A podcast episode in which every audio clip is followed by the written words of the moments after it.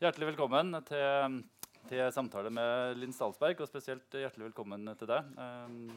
Uh, vi skal uh, gjennomføre en samtale, uh, og um, den hadde vi tenkt at skal vare i cirka Ja, i to bolker. Først en bolk i ca. 40 minutter.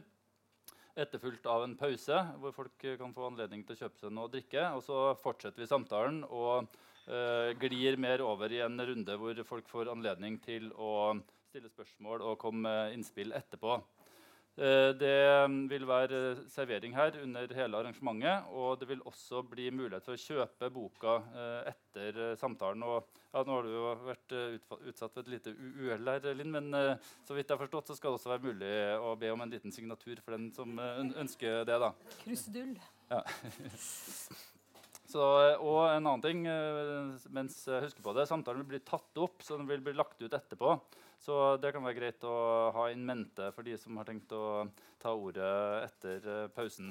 Så det var vel sånn i hovedsak uh, det praktiske. Så da overlater jeg ordet til Per Bjørn Foros.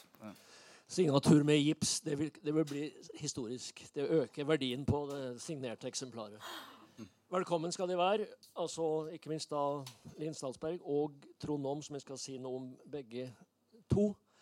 Um, det her er da knytta til temaet og boktittelen 'Menneske' Nei, det er det ikke. Tittelen på det her i kveld er 'Menneske og markedet'. Den refererer da til tittelen til eh, Linn Stalsbergs siste bok, nemlig eh, 'Det er nok nå'. Hvordan nyliberalismen ødelegger mennesker og natur. Det er jo tittelen på boka. Tittelen på kvelden er som sådan var altså 'Menneske og markedet'. Og det fikk meg til å ta en liten quiz. Hvilken norsk boktittel er det i den norske bokheimen som er nesten lik? Olav Duun. 'Mennesket og maktene'. Det er jo nesten samme tittelen. 'Mennesket og markedet'. Og det er jo nesten sammenfallende innhold også. Iallfall så langt om det. Men det her er da også et innslag, et av de siste innslagene i serien 'Hva er da et menneske?' Den har nå gått faktisk i to år og er oppe i over 30 enkeltinnslag. Og jeg vil gjerne slå et slag for de to resterende, nemlig 5 februar, da Håkon Bleken skal møte Ståle Kleiberg, maleren og komponisten, som skal møtes i en samtale om verk, motiver og arbeid. Og mennesket som motiv, midt oppi alt det der. Og så avslutning på serien 28. februar, da Trekløveret, får vi si. Daghesten Thomas Hylland Eriksen og Arne Johan Vetlesen skal møtes rundt samme bord. Det tror jeg nesten kan bli en sånn historisk begivenhet, og skal snakke om intet mindre enn mennesket i en skjebnetid. Så de får følge med. Alt det her står ryddig og fortalt om på Litteraturhusets hjemmeside. Da har jeg allerede sagt at kveldens samtale skal ta utgangspunkt i den boka, men jeg vil si litt mer om Linn Stalsberg, som eh, mange vil kjenne til, som er altså forfatter skribent og journalist og utdanna som sosiolog. Men nå også kanskje særlig kjent tidligere. Mer enn nå. Nå mer kjent som forfatter. Tidligere så var hun en framskutt journalist i norsk dagspresse og har vært gjennom de fleste større norske aviser. så å si. Men nå da mer og mer som samfunnsdebattant. Og for sitt forfatterskap, som har handla om mange ting, ifra, alt fra valuta til gjeldsfelle og krig. Men kanskje enda mest kjent, mer kjent da for dens forrige boka, nemlig 'Er jeg fri nå?' Er jeg fri nå? Tidsklemma i verdens beste land. Og så altså den siste her, som er grunnlag for kveldens samtale. Trond Aam er veldig glad for at du også da Han er jo sjefen her. Han er sjefen for hele Litteraturhuset, og det, jeg syns det er veldig fint at han nå kan gå inn i serien her som samtalepartner. Og eh, han er meget kvalifisert. altså Han er idéhistoriker. Det er det ene, og dessuten en politiker. Jeg skal ikke si hvilket parti. Men eh, det, det, betyr at han kanskje kan snakke med Linn Stalsberg med litt større sting enn mange andre. Og det kan komme godt med. Velkommen til begge. Og da er vi i gang. Ja, tusen takk for det, Bjørn. Ja, Det var først og fremst du som skal ønskes velkommen her, da, Linn. Det er veldig eh, fint at du eh, kunne ta turen. Um, nå er det jo den eh, boka her som er utgangspunkt for, uh, for samtalen. Det er nok nå hvordan nyliberalismen ødelegger mennesker og natur. Og um, har jo, som Per Bjørn var inne på, du har skrevet om lignende tema før. Du har vært inne på tidsklemma, du har uh, skrevet om devaluering av omsorg. og Alt det er jo tema som, uh, som også inngår i boka her. Mm. Men uh, her ser du det i en større sammenheng. og, og jeg har fått vite da, at dette var den boka som har solgt mest på Tronsmo i hele 2019. Stemmer ikke det? Det gjør visst det. ja. ja. Og det til tross for at den utkom i oktober. Det, ja, så den har jo den har tydeligvis uh, truffet noen ting. Da, men hva, hva, hva, er det, hva, er det, den boka her som gjør at den uh, har blitt så populær? Ja, det, det om, om, det strides mange. Nei, men først Tusen takk for invitasjonen da, til dere. Dere var jo så rause med meg. Var raus tilbake.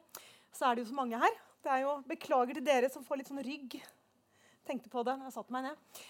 Ja, hva er det som treffer? Jeg tror at uh, Den treffer jo et eller annet. Uh, og jeg tror den treffer Jeg tror det er mange, litt uavhengig av ja, parti og hvor man står politisk, og sånn, som, som, kjenner på at det er liksom en rekke kriser. Altså det er, det er, plutselig en del ting som står på spill i samfunnet. Ikke sant? Klima og natur er jo det mest opplagte, men også en følelse av en slitasje på, liksom, på humankapitalen, da, som vi har lært å kalle oss selv.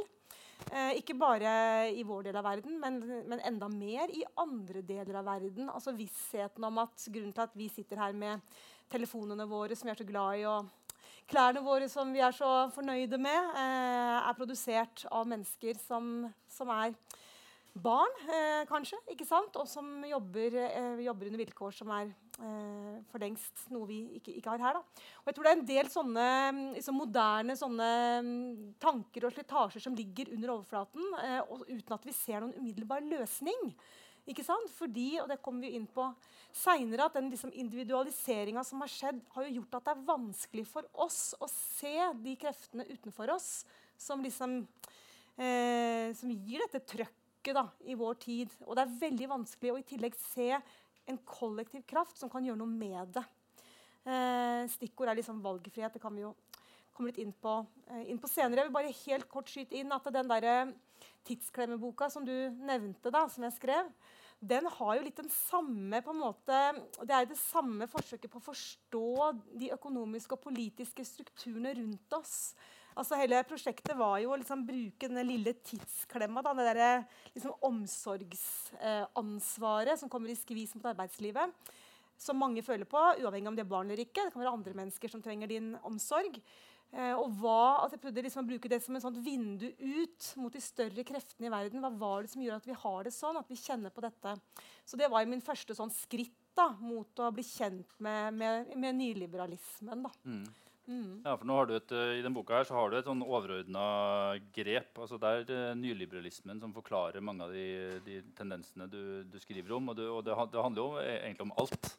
Det handler jo både om klima, det handler om kapital, det handler om vår egen hverdag, det handler om tidsklemme, det handler om ja, det, kort sagt alt. da. Men uh, altså bare sånn aller, først, altså, hva, hva, er egentlig ny, Uh, ja, ikke sant? Eh, nå, nå, må du bare ta meg på ordet her, for dette blir jo veldig overfladisk. fordi jeg bruker jo eh, veldig mye plass i boka på å um, beskrive at nyliberalisme er det det ikke er. Det er ikke omstridt. Det er ikke veldig komplisert. Det er ikke noe venstresida har funnet på om alt som er vondt og vanskelig. Tvert imot så er det noe helt konkret, og det er noe høyresiden har funnet på. Uh, og det er, det er Eh, det er, en, liksom, det er, en, villet politisk og økonomisk utvikling som har pågått eh, med full fart da, de siste, eller fra rundt for slutten av 70-tallet. Og som, vi, som, er vår, som, er vår, tids ideologi, vår tids samfunnsstruktur, og som vi da har vokst opp i og lever inni. Eh, så kan man si at det er ikke det samme som kapitalisme. Eh, og det at vi lever i kapitalismen, det er jo ikke en politisk mening, det er jo en eh, beskrivelse. Eh, tror jeg alle kan være enige om. Men nyliberalismen er det som vi jeg håper vi kan komme litt inn på, at det er, det er liksom både kapitalisme som vi kjenner den, men det er også noe nytt, helt på likt. Um, og det nye er jeg skal prøve å si dette veldig enkelt da, Det nye er at markedskreftene er sluppet inn på en, på en ny måte. Inn på områder som det tidligere ikke hadde plass på. Altså ting er et marked i form av jeg skal ha en kiosk og selge sjokolade, eller jeg skal ha en butikk og selge klær. Eh, men stadig vekk nå så er jo markedet også noe da som tilbyr oss barnevernstjenester eller barnehager. Eh, eller privat helsehjelp og omsorg og, og for øvrig alt eh, vi skulle trenge da, når det, når det, butter på her i livet. Eh, tog? Altså basisk infrastruktur. Så det er den utviklingen mot at dette har fått skje, som er liksom markedets inntreden i samfunnet. Og så har du jo markedets inntreden, eller fortrenging av naturen. Eh, som jo er liksom kapital, den kapitalistiske logikken som er at vi kan bare bruke og bruke og bruke av råvarer. Vi har ingen plikt til å erstatte det. Eh, som er liksom også en sånn nyliberalt tankegods. Da, at markedets eh, lover kommer først. Eh, og det tredje, som jo er litt tema i dag, er jo hvordan også denne nyliberalismen, mener jeg, og ikke bare jeg, men mange med meg, eh, trenger inn etter hvert liksom også i våre kropper og vårt sinn. Så liksom på spørsmålet er vi alle nyliberale nå, så vil jeg si ja, det er vi nok. Hmm. Ja, for det er jo det, altså nå er jo den Nyliberalismedebatten har jo um, gått ganske høyt, også her i Norge, og gjennom flere år, egentlig. Eller i hvert fall sånn i to store omganger, så vidt jeg har registrert, med, med, folk som Arne Johan Vetlesen og Thomas Hylland Eriksen og deg på den ene sida, så har du gjerne Civita Minerva-miljøet på den andre, med Tor, Torbjørn Røe Isaksen og osv. Og I den grad jeg har fått med meg alt som har blitt skrevet, så er inntrykket at liksom, fram til nå så, så, handler det i stor grad om selve begrepet og hvorvidt man kan snakke om nyliberalisme eller ikke, og, og de økonomiske og politiske forholdene. Men eh, det som er, det som er litt spesielt med denne boka, her, at den, den går jo inn på, inn på det du sjøl eh, omtaler som eh, vår nyliberale syke. Altså at det trenger helt inn i hverdagen vår. Og, og hva, hva, legger du, hva, legger du, i det? Um, altså, jo, nå må jeg først bare si det med, med liksom disse to fløyene du skisserte opp. da? Altså, er, eh, jeg tegner jo ganske, ganske klare, mener jeg selv, da, linjer fra f.eks. miljøet rundt Civita, Minerva, ikke sant? Eh, Høyre osv. Og, så og tilbake til, til mennesker som kalte seg nyliberalister. Og som utviklet eh, tankegods som jo nå Civita er en del av ikke sant, i sin eh, tankesmie, paraplyorganisasjon. da. Så så det, er helt konkret. på en måte. Det At de driver og avviser og sier nei, det er ikke noe begrep, og sånn, det er jo bare en måte å avvise debatten på. Det, hvem er det som vinner på det? Jo, det er jo ikke meg, f.eks. Eh, så, det, så det er det ene. Men jeg tenker at, la meg, la meg et, et, et, eksempel på det med syke. Um, jeg bor på Hasle i Oslo, på Lilletøyen, og det er ikke så langt fra Tøyen. Eh, nede på Tøyen så bor det en mann. Han er eh, 70 år og heter Nord. Og han er intervjuet i en, som by, en bok som heter Bygården, eh, hvor alle i hans bygård er intervjuet. Da. Og Nord han, eh, jeg og han har én ting felles. Vi jogger rundt på Tøyen. han er en sånn kjent karakter da, i nærmiljøet. Han jogger. Um, Nord er fra Afghanistan, og han forteller i den boka Bygården at da han bodde i Afghanistan på 70-tallet og var general, så var han ikke som han sier selv, han var ikke en god mann. Han behandlet kona si og barna sine med jerndisiplin. Eh, med alt det innebærer. ikke sant? Um, fordi at det var forventa av han i det samfunnet. Han levde på en måte opp til sin kulturs eh, forventning og hva det var å være en mann, da, et menneske, i Afghanistan, i det miljøet han var. Og så sier han at, eh, at, nå er han jo ikke sånn lenger. Nå angrer han jo dypt på dette. Og han eh, har da tatt Han sier jo alt husarbeid hjemme, og jeg overøser konen min med kjærlighet, og jeg angrer, angrer på dette her. Eh, og hans barn er nå leger og advokater og ikke sant? sånne, sånne samfunnsstøtter. Um, og jeg tenker Dette tar vi liksom som en selvfølge. Vi tenker ja, men det er selvfølgelig At man liksom innretter seg, at man blir påvirket av den kulturen man, man, bor i. og Så flytter man på seg, så finner man en ny kultur, og så tilpasser man seg den. Men det jeg liksom prøver å si med den boka, at det, sånn er det jo med oss òg. Vi er også inni en ideologi. ikke sant? Vi er også inni en samfunnsmatrise. Uh, det er også liksom trøkk i vårt samfunn som vi kjenner på, som er vanskelig å sette ord på. Vi veit hva idealet er. Jeg vet hva en idealkvinne i mitt eh, samfunn gjør, hvordan hun helst skal se ut, hva hun helst skal si. Jeg har et bilde av, av en sånn figur. liksom. Eh, og så kan man si sånn Ja, men vi vet jo alle om noen som lever alternativt, som lever motstrøm, som velger en annen vei. Ja, eh, de gjør det. da. De velger alternativt. De velger motstrøms i motsetning til det som er medstrøms og normativt. Um, og det er liksom det medstrøms- og normative da, jeg prøver å, å, si noe om i, liksom, i den boka her. Uh, og forstå hvordan vi også er preget av samspillet med Det er mitt menneske. da, Samspillet med den kulturen rundt oss. For jeg tror at mange i Norge har en tendens til å tenke og jeg gjorde sikkert det selv i mange år, at vi ser på andre land, andre kulturer, andre historiske epoker, så tenker vi ja, men de er jo typisk sånn, eller de er jo, det er så typisk det landet, typisk den epoken. Men vi Nei, vi er sånne frie, fritenkende, liksom hevet over. Eh, toppen av kurven, liksom. Kommer nesten ikke lenger. ikke sant? Eh, og hvis andre, de andre kulturer har egentlig å bli mest like oss, eh, så er de også like fri som oss. Um, men jeg tenker at sånn er det ikke. da. Også vi har ganske strenge altså Nyliberalismen er ganske streng, tenker jeg. Eh, den er ganske streng i forhold til hvilke krav som stilles til oss, og hva slags eh, verdier den liksom hyller, og hvilke menneskelige egenskaper den straffer. Og jeg tror alle som oppdrar barn for eksempel, i vår kultur, kjenner jo på det. Vi veit jo hva slags barn som blir populære, ikke sant? hva som eh, lønner seg. da, kan du si, For et barn, hvilke egenskaper vi ønsker at barnet har. Og det å liksom få et sjenert barn i 2020, det er jo nesten krise. Eh, ikke sant? Fordi du skal jo helst begynne å nettverke fra barnehagealder og, og få de rette vennene. Altså, det ligger noe sånn derre Eh, det er ganske mye strenghet føler jeg, i vårt samfunn, selv om vi liker å tenke på det som, som sånn uh, veldig valgfritt. Mm. Og det vil jeg prøve å sette noen ord på.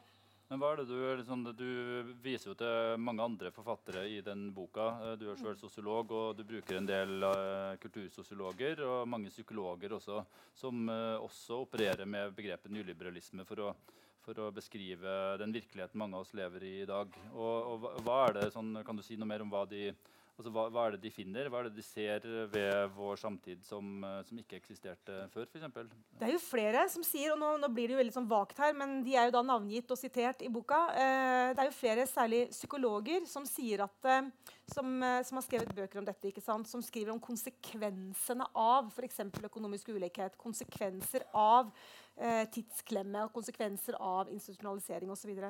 Eh, og det de sier at det er jo ikke bare menneskene som har endra seg, men det er en ny type mennesker som kommer inn på mitt kontor eh, når jeg er psykolog. Eh, med liksom ganske sånn samsvarende problemer. Da. Og da stiller man seg jo som den, som den samfunnsutadrettede psykologen man er, så stiller man seg da spørsmålet kan det være noe i samfunnet altså, At det ikke bare er inni hodet problemene ligger, da, men at de problemene kan ligge i, i det hodet er inni. Det samfunnet hodet er inni. Eh, og det, det, tror jeg er veldig smart, at vi begynner å rette blikket litt ut. For jeg tror at uh, den der, liksom, internaliseringa av problemer som ligger i en sånn nyliberal samfunnsstruktur, eh, med at vi skal eh, altså Du kan hvis du vil. ikke sant? Vi alle liker muligheter. Eh, går du på en smell, er det din skyld. Har du suksess, er det også din skyld um, gjør at vi ikke lenger ser at ja, reglene er like, men utgangspunktet er forskjellig. Uh, og så bærer vi i oss disse liksom, våre feil og mangler, da, uh, som det jo er en, en endeløs rekke av. For, for, så lenge vi har feil og mangler, så kommer jo markedet med, med tilbud om bedringer. da. Mm. Uh, kan du si. Så det, så det er liksom psykologenes, um, psykologenes innfall i det. Uh, og for eksempel, eller Senest i sommer så kom jo FN også, jeg husker ikke navnet på han um, rapportskriveren der, men som skrev at um, det var liksom snakk om da mental uhelse i Europa, som det begynte å bli relativt mye av, syns FN. Um, men så påpekte de i samme rapport at dersom vi kunne bedre økonomisk usikkerhet, arbeidsløshet, Um, og det som er av, av, fattigdom, da, så ville mye mer bli løst av mental uhelse enn å sette inn en masse stressmestringskurs uh, og psykologer for å hjelpe folk. Og, og det høres jo enkelt ut når uh, FN uh, sier det sånn. samtidig som det jo er ganske, ganske logisk hvis vi, hvis vi kjenner etter. Så jeg tror at noe av den der stresset altså Det er liksom en sånn todelt greie med at det er noen forventninger som ligger i vår kultur, som plager oss.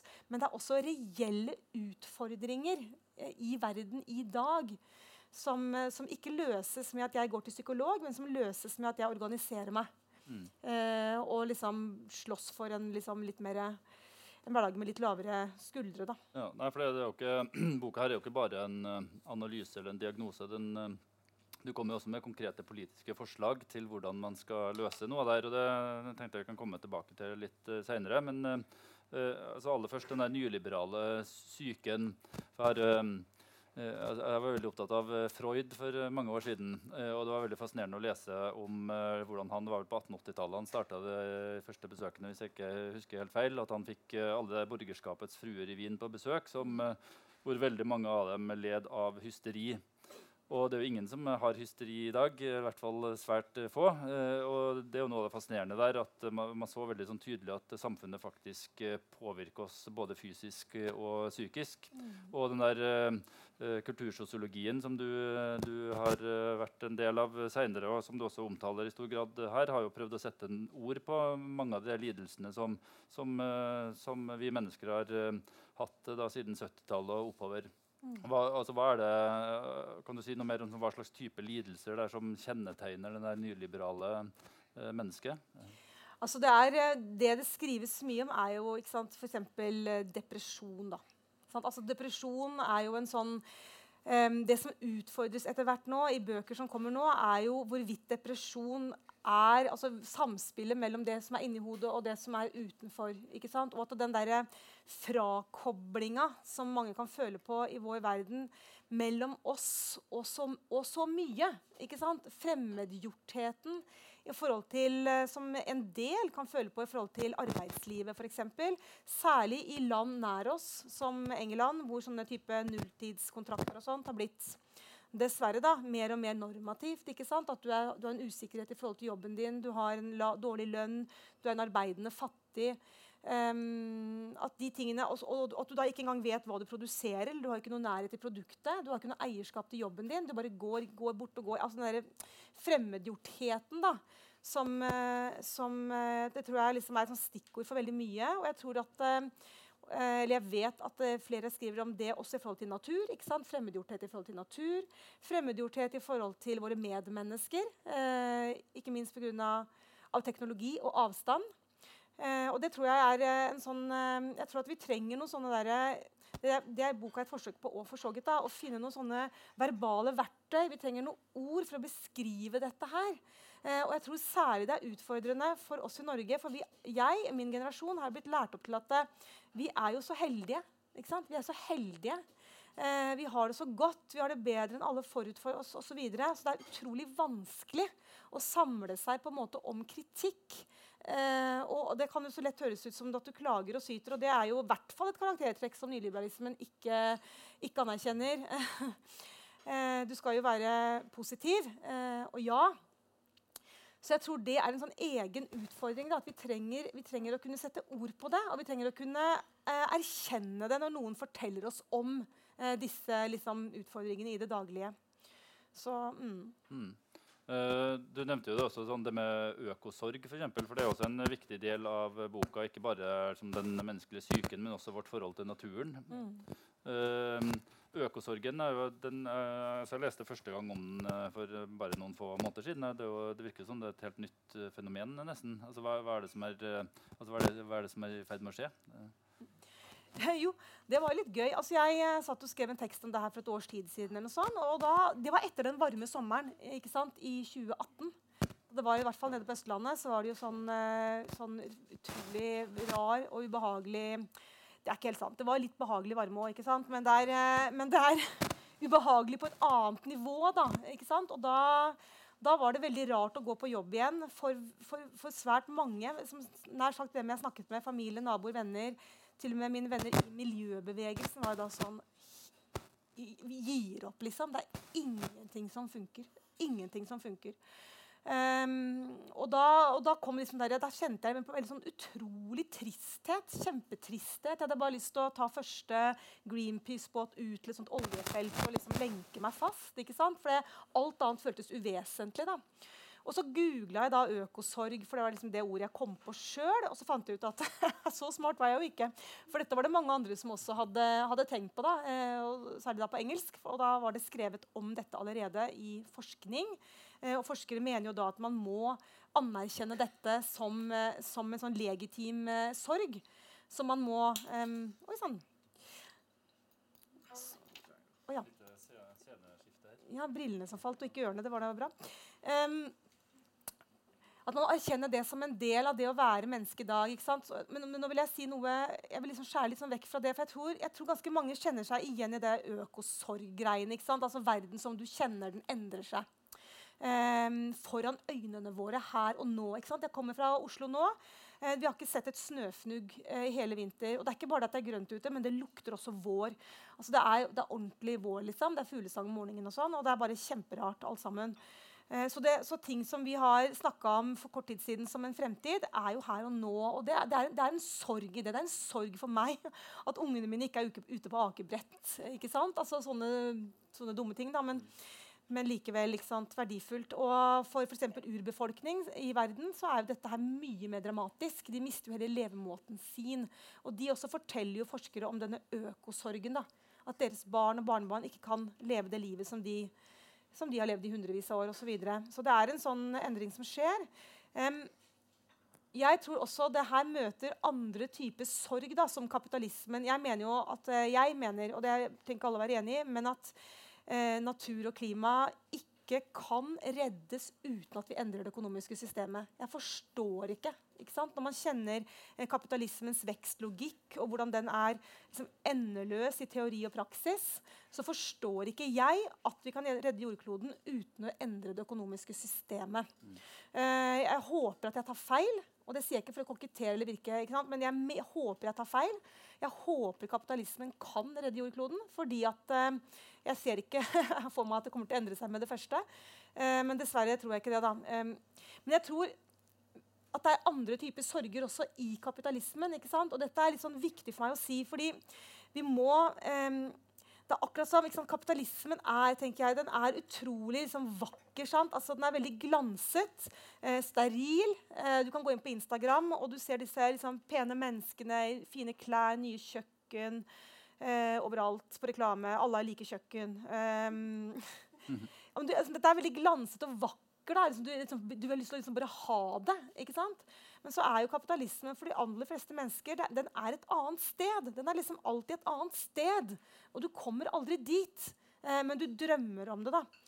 Det, så det er liksom én side ved det som vi, som vi, må snakke mer om. Sant? Men det andre tingen vi må snakke mer om, er at kapitalismen er denne naturødeleggelsen. ikke sant? Det er ikke et arbeidsuhell. Eh, det er ikke liksom en tilfeldig og litt uheldig bivirkning av kapitalismen. Det er kapitalismen. Eh, og at det sitter masse tenåringer og jobber nede i India, og fabrikker raser ned på hodene deres, og sånn, det er kapitalismen. Det er ikke et arbeidsuhell. Eh, og det, det, er liksom et sånt prosjekt som jeg har i boka. Vi må snakke om det systemet vi lever i, som det det er. Eh, sånn at Når vi har snakket om nyliberal syke, og at noen føler seg stressede og urolige og, og fulle av angst, og at de ikke kan være gode nok aldri, så vil andre si ja, men jeg har det ikke sånn. Eh, har det kjempebra. Jeg har eh, nytt kjøkken og fornøyd med det. Og ikke stresser jeg på jobben, og vi kan spille pingpong i lunsjpausen. Altså, det er jo mange som har det sånn utrolig fint da? I, og tenker at eh, hva er det du klager over? Og da, da, mener jeg at da må vi spørre oss eh, selv, eh, alle sammen. Jo, vi har det fint, men på bekostning av hva? På bekostning av hvem? Ikke sant? Og de menneskene som graver etter innhold til batterier og sånn i Kongo, og hvor de nå er, det er også mine medmennesker. Eh, like mye som du. Ikke sant? Og de urbefolkningen som mister sine eh, vann fordi Coca-Cola skal ha, ha, denne dammen, er også mine medmennesker. Og de har like mye rett på verdighet og liv og glede og fremdrift som det jeg og du har. Så vi må liksom tenke at ja, vi har det bra, men på bekostning av, av noe. Eh, og alt som skjer med naturen, selvfølgelig, det vet vi jo dessverre mm. veldig godt. da, hva, hva, slags kostnader det har. Så vi er liksom nødt til å ta den store samtalen, selv om vi har det innmari komfortabelt. Mm. Uh, bare sånn før, um, før, vi går over til liksom de, de, politiske forslagene. Um, altså den debatten som uh, du også står i uh, mot ja, mye Civita Minerva-miljøet. altså der så jeg, skal, jeg skal innrømme at sånn, Da jeg påtok meg oppdraget og ikke hadde lest boka, så var jeg litt sånn bekymra på forhånd. for Jeg var litt sånn, jeg, hadde, har jo lest mange av de innleggene, og jeg føler at jeg står kanskje et sted midt imellom uh, frontene. på en måte, Og jeg tenkte at uh, det her er sånn venstresidas måte å, og liksom å, stemple alt uh, fra Arbeiderpartiet til Høyre liksom, som, uh, som høyreside. Mens uh, Minerva og Civita de prøver liksom å bare skyve alt fra seg igjen.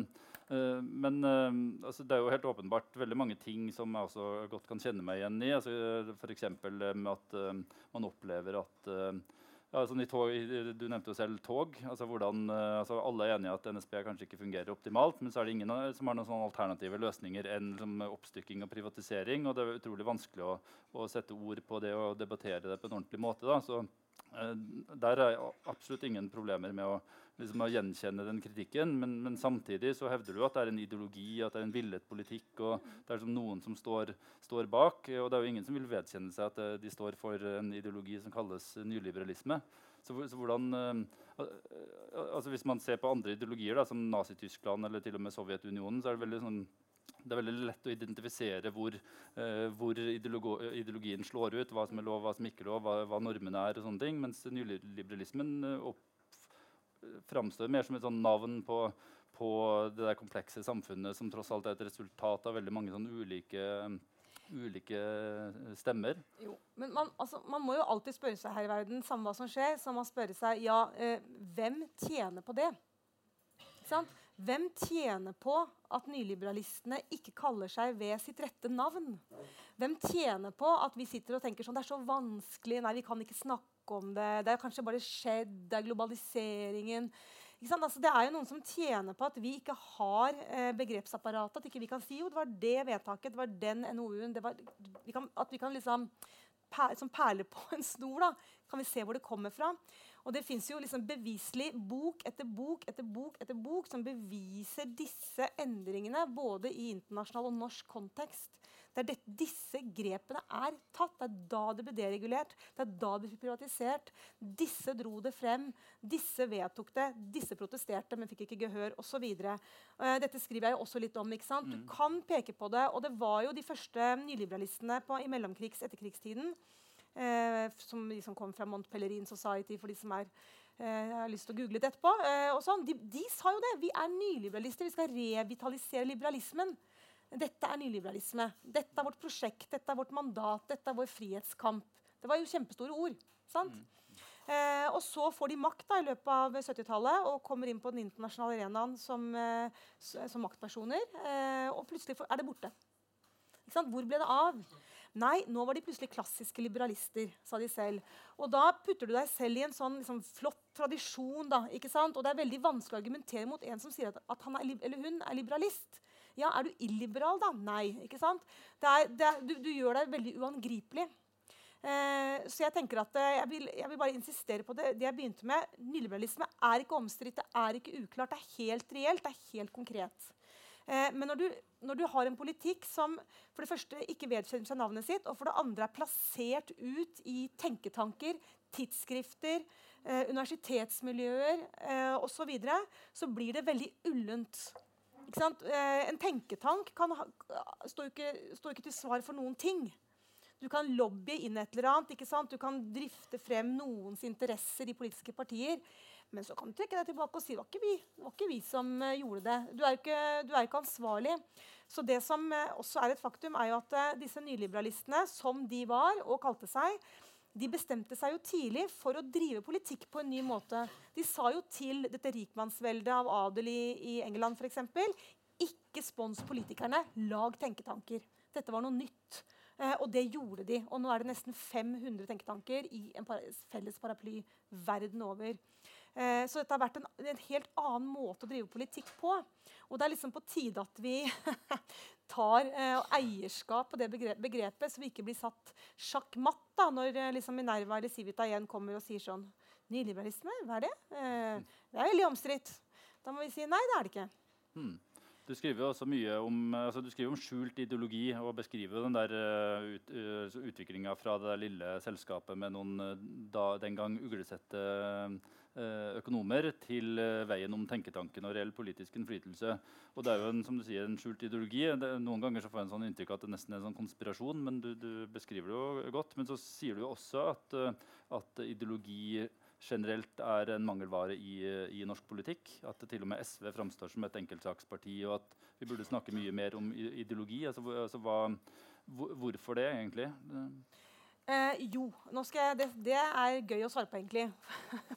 Fordi eh, da, da, Margaret Thatcher for eksempel, kom eh, til makten da, ved hjelp av disse økonomene fra Montpellerin Society for øvrig, eh, og tenketanker, så var hun brukte jo store ideologiske ord. Hun skulle forandre systemet, hun skulle forandre menneskene. Eh, det fantes ikke noe samfunn, bare individer osv. Så videre, og, så gjorde hun jo, Jeg har bodd i England i mange år, og jeg husker eh, hennes forgjengere osv. Og, og, og de gjorde jo de gjorde mange helt konkrete grep som, liksom, som tilrettela for høy avkastning. Da, for et visst sjikt av samfunnet og eh, større problemer for alle andre. Um, men så skjer det en sånn merkverdig og interessant overgang når vi kommer til 90-tallet og vi får sosialdemokratene inn på arenaen. ikke sant? Blair, Clinton, Stoltenberg osv. Uh, som tar over uh, regimet. Um, for å eksemplifisere hva som skjedde um, uh, Thatchers gamle finansminister sa i hennes 80-årsbursdag så sa han din største prestasjon sa han, er at du skapte ikke bare ett nytt parti, men to. Eh, og akkurat sånn var det. ikke sant? Syse sa med Arbeiderpartiet ja, dere stjal klærne til Høyre mens de var ute og badet. Eh, og, det, og, det, er liksom satt på spissen, men det er også sant. At når sosialdemokratene tar over fra høyrekreftene på 90-tallet, som de da gjør i land etter land, så er det ikke lenger i liksom kontrast til nyliberalismen som har pågått da i, i 10-15 eh, pluss år. Det er i forlengelse av den. De liksom overtar, eh, de overtar mange av de samme liksom, dereguleringer, privatisering osv. Eh, men det som skjer retorisk, er et brudd. Sant? Der Thatcher for eksempel, brukte store ord om sitt prosjekt. Hun var en ideolog. Det, det kan man jo trygt si. Eh, så kommer de andre etterpå, og så bruker de selvfølgeligheter.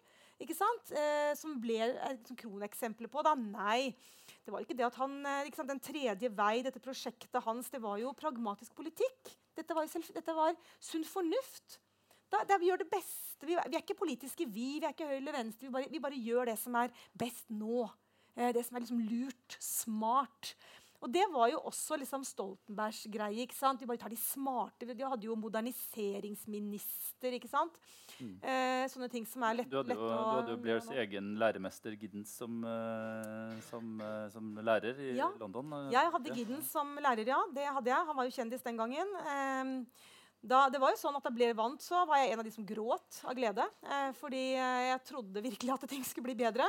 Begynte bra, mye, mye popstjerner på fest hjemme hos Blair. Og så, så, skjedde det ikke så store endringer. ikke sant? Altså Kjempeskuffende. Og jeg tror grunnen til at kritikken ikke kom når den burde, var denne bruken av sunn fornuft. Eh, altså og det er et problem også i dag. ikke sant? At det er mye av den liksom, markedet som får liksom, så store friheter i dag. Da. Eh, og det at vi liksom har et arbeidsmarked, boligmarked, ting som vi ikke engang stilles noen særlig store spørsmål ved, er at det lanseres som ja, men dette er jo bare liksom det mest effektive, det mest fornuftige. Det er, det er liksom grodd opp av bakken som en sånn blomst som, er, liksom, som er helt naturlig. liksom. Og da er det innmari vanskelig å være kritisk, for da blir du så fort liksom debattens klovn. ikke sant? Altså, hvilken planet uh, kom du fra? Alle de andre er enige om at dette er veldig fornuftig. Uh, men jeg tenker nå at uh, det som inntil nylig var stø kurs, og som vi var stolte av var stø kurs, det er nå den kursen som tar oss rett inn i liksom menneskelig og, og ikke, den ikke-menneskelige naturens ødeleggelse.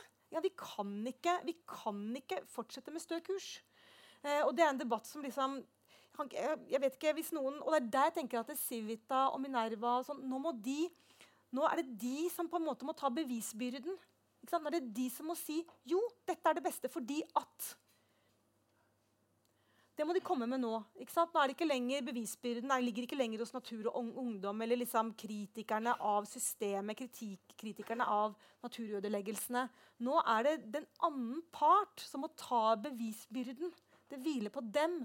Eh, og det tenker jeg at eh, det er liksom tittelen på boka. Da. Liksom, nå er det nok. Eh, nå er det deres tur til å forklare hvorfor dette er så innmari smart.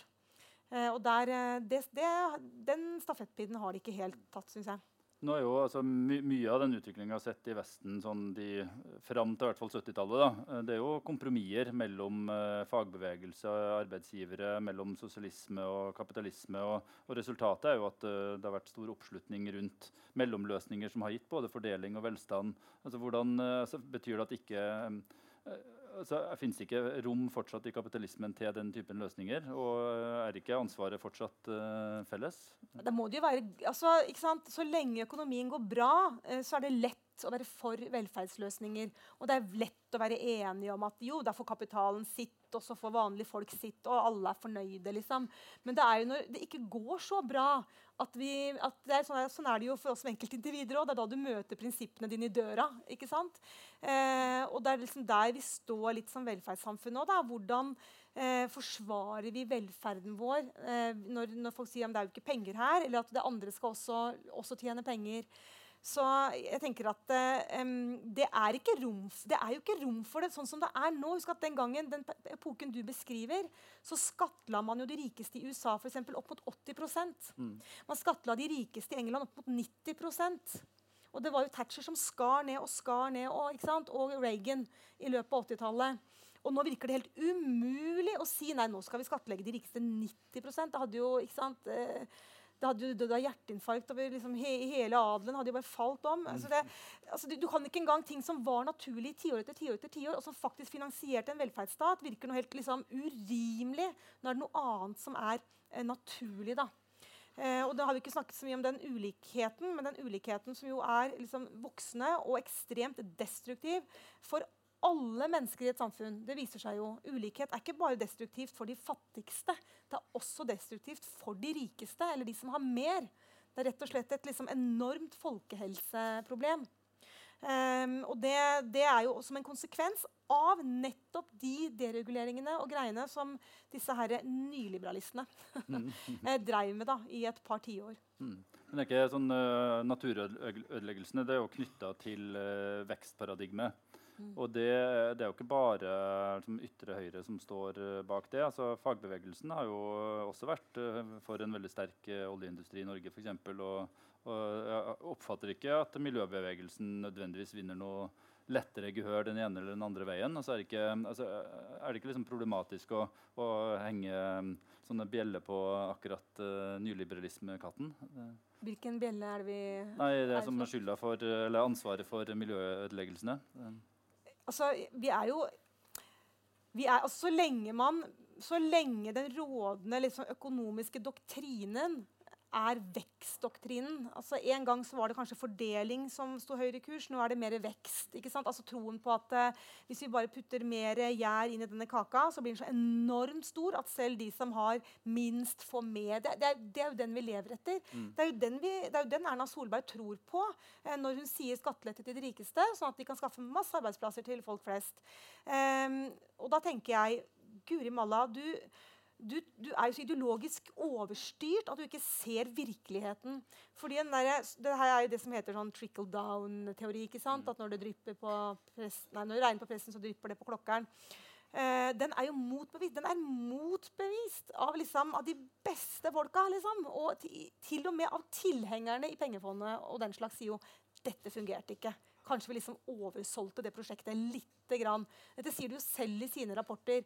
Likevel, i 2020 så går vår statsminister for den samme modellen. Sant? Mm. Den fungerer ikke. Eh, og det, sånn at det derre eh, Så jeg tenker jo, og den, og den, modellen som den der digre kaka da lever sitt liv inni, kakefatet, kan du si, da, er nyliberalt tankegods. Evig vekst. Ikke sant? Eh, markedets frihet. Ikke mm. frihet, da, men stater som legger til rette for markedet. Mm. Så, det, så, det, henger jo absolutt sammen. Og den, ja. Mm. Mm. Du har sjøl skrevet tidligere om uh, Tobin-skatt, uh, f.eks. Og, og veldig mange av forsøkene på liksom, uh, internasjonal regulering av uh, skattepolitikken, slik at man får en mer rettferdig fordeling osv., har jo så langt uh, stranda, ser det ut som. Men Eh, altså er det helt umulig, eller er det bare vanskeligere i dag pga. Det, det nyliberale hegemoniet som du skriver om? Nei, Det er jo innmari rart. Dette kan sikkert mange folk i salen mer om enn meg. Men jeg synes det er kjemperart at sånne ting som f.eks.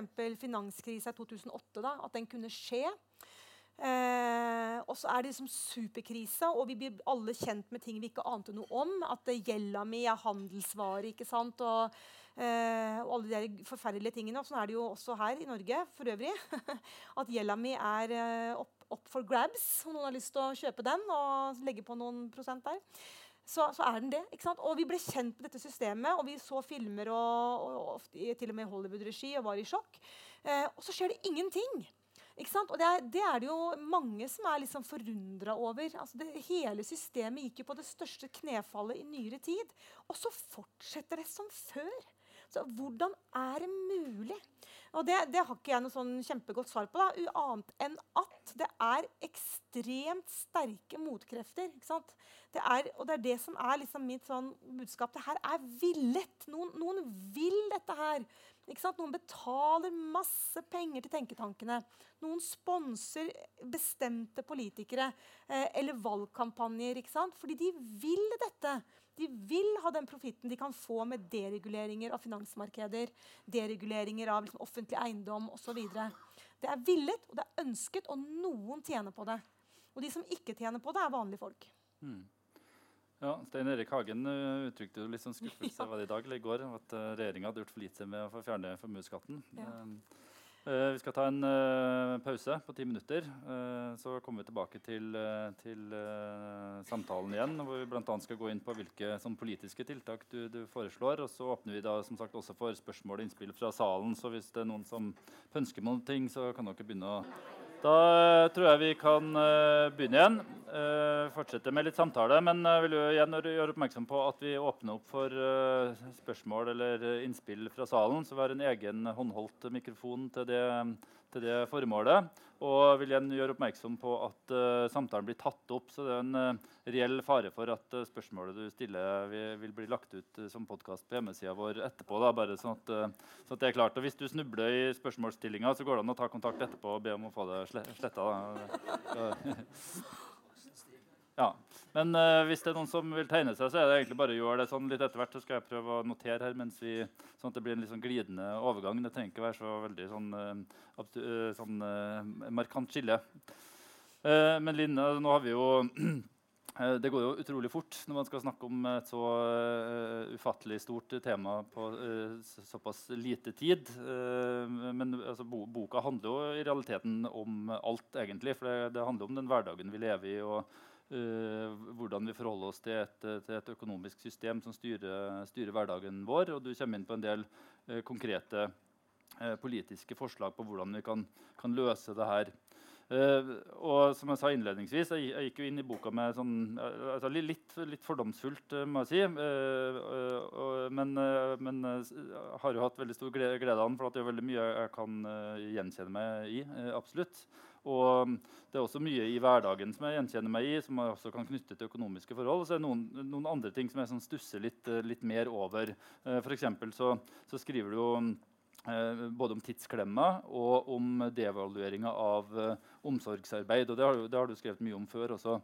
Og da, liksom, da, da, da jeg leste det, så var det, det, det aller første som slår meg, at ja, jeg lever kanskje også i tidsklemme, som veldig mange sånn, småbarnsforeldre sånn gjør. Eh, men er det nyliberalismen som er, som er årsak til den tidsklemma? Og da, og da, da eh, tenker jeg at, uh, at, det er jo først og fremst det at både jeg og kona jobber ute, som gjør at vi liksom krangler om hvem som skal ta oppvasken hjemme. Det er jo ikke, er jo ikke noen kapitalister som har krevd oss det. Så, så mitt spørsmål da er jo altså Jeg har ikke Uh, altså har ikke likestillingskampen og kvinnebevegelsen og alle mulige andre som politiske retninger et vel så stort uh, ansvar for den hverdagen vi lever i, tross alt? Mm. Ja, nå er det jo rett inn i den gamle boka mi. Hvis noen er interessert, send en mail. Jeg selger den fra trappesatsen hjemme. Uh, jo, det Nei, der er det ikke helt sånn som du sier. fordi den, hvis man tenker seg den liksom radikale kvinnebevegelsen da, som vi ser for oss fra 70-tallet eh, De snakket ikke om likestilling. De snakket om kvinnefrigjøring. Eh, det er noe annet. Eh, og kvinnefrigjøringen skulle frigjøre både mann eh, fra omsorgsbyrden, eh, barna fra institusjon og kvinnen fra eh, kjøkkenbenken. Eh, og da så man for seg sant, mange spennende løsninger. Deltidsarbeid for begge foreldre, sekstimersdag, barnehage på jobb altså, mange, altså, Det var, var ganske fantasifullt, eh, de debattene som foregikk da. Mye mer fantasifullt enn i dag. Eh, hvor den eneste kampen som vi ser ut som vi har, er at mann og kvinne skal konkurrere like spinnvilt på det samme arbeidsmarkedet. Um, så, så, møter jo den radikale kvinnebevegelsen da, med alle sine samfunnskritiske og systemkritiske kapitalismekritiske krav møter jo dette her voldsomme markedsregimet eh, på 80-tallet som vi har vært innom. Hvor det er sant, folkevalgte aktører på banen som setter en helt annen agenda, en helt annen økonomisk agenda. Og da blir likestilling mellom kjønn plutselig et eh, naturlig valg for store deler av hvert mainstream-bevegelsen. Eh, hvor det ikke lenger handler om å endre eh, arbeidslivet, men det handler om å tilpasse seg arbeidslivet. Eh, og der er vi jo, og Ikke bare tilpasse seg, men gjøre seg lekker for arbeidslivet. Um, og uten at vi tenker om det, så skal vi jo alle gjøre det lille ekstra på arbeidsplassen. Men hvis jeg gjør det lille ekstra med juledekorasjonen min, så er det ingen som bryr seg. Uh, altså, det er liksom det, det lønnsarbeidet da. du skal uh, gjøre deg flid. Mm. um, og det tenker jeg er ikke, det er ikke, Så det er ikke eh, kvinnebevegelsens skyld om jeg kan si det sånn, at det er en toinntektsfamilie i dag. Det er arbeidslivets krav som gjør at vi har en toinntektsfamilie i dag. Um, og det er jo sånn for hvert år som går nå, så bidrar kvinner mer i arbeidslivet uten at menns innsats går ned. Noe, noe um, overtidsarbeid går ned, men ikke arbeidstid uh, generelt. Uh, og, og, det er jo sånn at det, Hvis vi for hvert år som går, gir mer da, av den menneskelige tiden vi har på jordkloden, til lønnet arbeid, så er det jo ikke så innmari rart om man kjenner på en sånn type omsorgskrise uh, i hjemmet. For der pågår det også arbeid. Eh, min eh, mor var hjemmeværende i mange år før hun begynte å jobbe. Og hun sa jo, ikke sant, når hun møtte andre kvinner på gata Nei, nå skulle hun hjem og jobbe, sa hun. Eh, og da gikk hun hjem og gjorde akkurat det samme som jeg har gjort når jeg har gått hjem fra jobb. den gang jeg hadde fast jobb, nå jobber jeg jo stort sett hjemme, Og sa nei, nå skal jeg hjem og hvile. Eller, altså, nå var liksom arbeidsdagen slutt. Og det var den jo ikke i det hele tatt. Og det vet jo alle som har eh, særlig små barn eller andre å ha omsorg for, at den er ikke slutt når du går fra jobb. Men vi kaller det ikke arbeid. Um, og vi får jo slett ikke penger for det. Um, så, så, jeg tenker at den debatten er ganske stor og tung. Da, og det her er et forskningsfelt som hvis det er liksom en eller annen, der ser mange en ivrig masterstudent som har lyst til å ta opp den hansken, så er ikke dette her eh, forska eh, særlig godt på møtet mellom kvinnebevegelse og markeds, altså arbeidslivets markedskrav da, på 80-tallet. Det er ganske sånn, spennende og uutforska terreng. Men noe skjedde, kan vi si, mm. som gjorde at nå at toinntektsfamilien har blitt en norm, eh, og at økonomien baserer seg på den modellen. Mm, og for I Oslo, der jeg bor, så er det ingen av oss som kan skille oss for lenger. For vi har jo ikke råd til å bo i den byen som uh, aleneforsørger. Uh, det er, det er, det, man kan liksom le av det, men det er også sant. da. At, at eh, man, den friheten til å skille seg som han har som han har slåss for, er ikke lenger en reell mulighet faktisk, for alle. Hvis du da ikke skal rykke eh, barn opp fra alt som er av kjært og nært eh, nærmiljø, og det som er hjemmet, hjemmet ditt. Mm. Uh, jeg minner om at det er mulig å tegne seg etter hvert. Så skal vi, skal vi skal gi ordet om en liten stund. Uh, altså det minner meg litt om Jeg uh, leste um, en gang at statsminister Trygve Bratteli skal visst ha uttalt en gang at, at han hadde liksom, jobba gjennom et helt politisk liv for at det skulle være mulig for familien å leve på én inntekt. Og da han endelig hadde lyktes med det, så var, så var det ingen som var fornøyde lenger. For da ville kvinnene ut på arbeidsmarkedet også. Så liksom alt han hadde strevd for, var liksom helt forgjeves på en måte. da. Uh, men altså, du er jo inne på noe liksom, viktig her med boligmarkedet. og at det plutselig har blitt umulig å skille seg pga. boligpriser. Sånn, så vi, vi, er jo en del av, den, uh, av det spillet her sjøl også. Og vi tjener mer og mer og mer. Og det er ikke bare ledere, lederlønningene som går opp heller. Og vi blir fanga av, av, det samme. Så hva, er det noen som er liksom villig til å gå ned i velstand og, for, å, for å, liksom at man skal komme inn på en ny kurs? Altså, det, er, det er liksom der må bare henvise til, jeg henvise til meg selv for en 20 minutters tid siden. Eh, hvor jeg sa at denne samtalen må vi ta selv om vi har det komfortabelt. Vi må begynne å spørre oss på bekostning av hva og hvem osv. Alt det jeg tidligere sa. Eh, men jeg tror også at Eh, for du har, du har, Når du sier 'vi', så er det sånn at sant, det inkluderer ganske mange, men slett ikke alle. For ulikhetene øker også i vår, eh, i vår, verden. Og når ulikhetene øker, så vil vi jo ikke lenger se alt vi har felles. Altså En person som går inn i sin oppvarmede garasje og sin varme bil og kjører til jobb, der det er en parkeringsplass, forstår ikke utfordringene til hun som står og venter på én buss, må bytte til den andre eh, og står i regnet med poser på vei hjem. Altså, du, du, vil ikke forstå hverandres liv. Å komme hjem til et nyvasket hus fredag er noe annet enn å, enn å ta opp den vaskebøtta sjøl på fredag. Ikke sant? Altså, vi må ulikhetene, altså, Markedet forsterker ulikhetene ved å komme med omsorgskriseløsninger til de som kan betale for det. Eh, og så sitter andre igjen og har en helt annen hverdag, og så kommuniserer man ikke lenger med sine, med sine medmennesker. Um, og så, kan, så, sier du sånn Ja, er man uh, villig til å gå ned i lønn? Uh, jeg, jeg, er jo demokratisk anlagt, så jeg tenker ja, folk må jo ville det. Altså, hvis en fagbevegelse for eksempel, skal kreve uh, nei, nå tar vi en fridag mer i måneden eller i uka fremfor å gå opp i lønn, så må jo medlemmene ville det. Altså, det må jo en sånn type skolering til, et ønske til, altså en sånn opplevelse av hva det er hva, å være et menneske i vår verden i dag. Det må, må en sånn tankegods til. da, Vi må endre oss.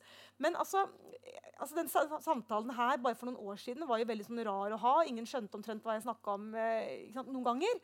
Og nå føler jeg at alle skjønner hva jeg snakker om. Altså, Folk går rundt med disse tankene. Vi må jo endre oss. Det er ikke bærekraftig. Eh, ikke det er sånne prosesser på gang da, som, er, som, som er, kjempespennende. Så jeg er jo ikke, når du sa hva skal til, jeg er jo slett ikke så pessimistisk som jeg var bare for et år siden. Eh, fordi altså, historien, Vi ser fra historien når det oppstår kriser, så kan ting endre seg innmari fort. Eh, og det, er jo også til, det kan også være til det positive. Mm. Det er ikke det at alle løsninger på denne klimakrisa sånn, nødvendigvis er sånn nå skal vi alle bo på jordgulvet og aldri reise til Spania. Det er, ikke, ikke det, er ikke, det er jo ikke det. Det er jo helt andre løsninger som kan gjøre livene våre kan Ta det opp i en ny potens. ikke sant? Mm. mm. Eh, jeg tror vi skal um, gi ordet her til den første personen som har meldt seg. Ja, det er første personen her i hvert fall som er notert. Okay. Ja. ja. det spiller for så vidt ikke noen rolle. Vi kan, ja. altså, du, så du har uh, oversikt? Ja, OK. Nei, men det er fint. Okay. Mm. Ja. Mm. Tusen takk for det. Jeg heter Elise og har egentlig et eh, spørsmål om den nye staten. Fordi Både før og etter pausen så har dere snakka om som jeg har hørt, hvert fall stat. Men før pausen så var det mye prat om både deregulering og egentlig privatisering. Etter pausen har vi vært innom både boligmarked, arbeidsmarked, eh, også omsorgspolitikk. Mm. Og alle de tingene er jo fasilitert av staten. Vi har også et uh, nytt Nav, hvis vi skal kalle det. Mm. Og vi har også på en måte en, jeg vil si en ganske intens barnehage-skolepolitikk i Norge. Vi har jo nesten obligatorisk barnehage. sånn at På den ene sida har vi jo en slags nedbygging av staten, men vi har jo på andre områder en veldig intens stat, som også høyresida ønsker. Altså en intervenerende stat som eh, i hvert fall er veldig langt fra laissez-faire, hvis vi skal bruke sånne type ord. Så jeg lurer egentlig på dine tanker rundt denne nye doble staten. Eh, og ja, dine tanker og kommentarer rundt det, og også hvordan du selvfølgelig kobler det til nyliberalisme og, og boka di. Mm. Skal vi ja, jeg tror du kan svare på det. for det var den, ja, Du kan ta det med en gang. Nei, det synes jeg er et godt spørsmål. fordi eh, Det er jo ofte en sånn misforståelse. ikke sant? Og det der eh, At eh, entusiaster rundt markedet sier frie marked, f.eks. Det høres jo ut som markedet liksom er helt fritt og lever sitt eget liv. Men det er jo ikke sånn det er. Tvert imot så er jo altså, Høyresida i politikken vil jo gjerne liksom krympe staten. Er det de snakker om. De skal avbyråkratisere. ikke sant? Altså Man skal gjøre staten minst mulig og effektiv. Men det skjer jo ikke i praksis. Eh, staten beholder eh, Det kan være at byråkratiet endrer seg, men den er jo like diger. F.eks. under Thatcher så var jo de offentlige utgiftene var jo større eh, etter at hun tok over makten, enn før. Fordi at staten skapte så mange sosiale eh, tilfeller. da, Folk som måtte ha hjelp fra staten. Så selv om alle fikk litt mindre enn før, så ble det til sammen mye mer av utgifter. Eh, så det er liksom ett aspekt av det, at, eh, at, man fører en politikk som gjør at staten får mange utgifter på seg. da, All den tiden skal være en velferdsstat. Det andre er at også Fredrik Hayek, som jo var en av disse første nyliberale og en av de største tenkerne, det er bare å google opp for de som ikke kjenner til han. Og Thatcher selv var jo ganske tydelige på at staten skal legge til rette for markedet. Markedet er så viktig, markedet er så sårbart. Vi kan ikke overlate til seg selv. Ikke sant? Eh, det må ivaretas, og det er det staten skal gjøre primært. Og til og med, Det er også interessant for liksom laissez-faire som skulle liksom være som fri, eh, fri handel på 1800-tallet. Men det var det jo heller ikke. Det var jo fullt av handelsreguleringer og sanksjoner den gangen også. Så det er jo liksom litt mytom, mytomspunnet, dette her eh, frie markedet. Ja, hvem er neste person? Fire, du må jo liksom delta litt i samtalen også. Slik ja, jeg gjør det. Jeg gjør det. Også, så dermed selvfølgelig er jeg med her nå. Ja. tar vi arbeidsfordeling på det. Da er det du først. Takk. Eh, Jorunn Parelli Berg heter jeg. Uh, ja, jeg syns mye av det du snakker om, er sånn litt sånn øyeåpner for en gammel sosiolog. da. Men det var også sånn, sånn uh, tidlig på 70-tallet at vi snakket om liksom, motmakt.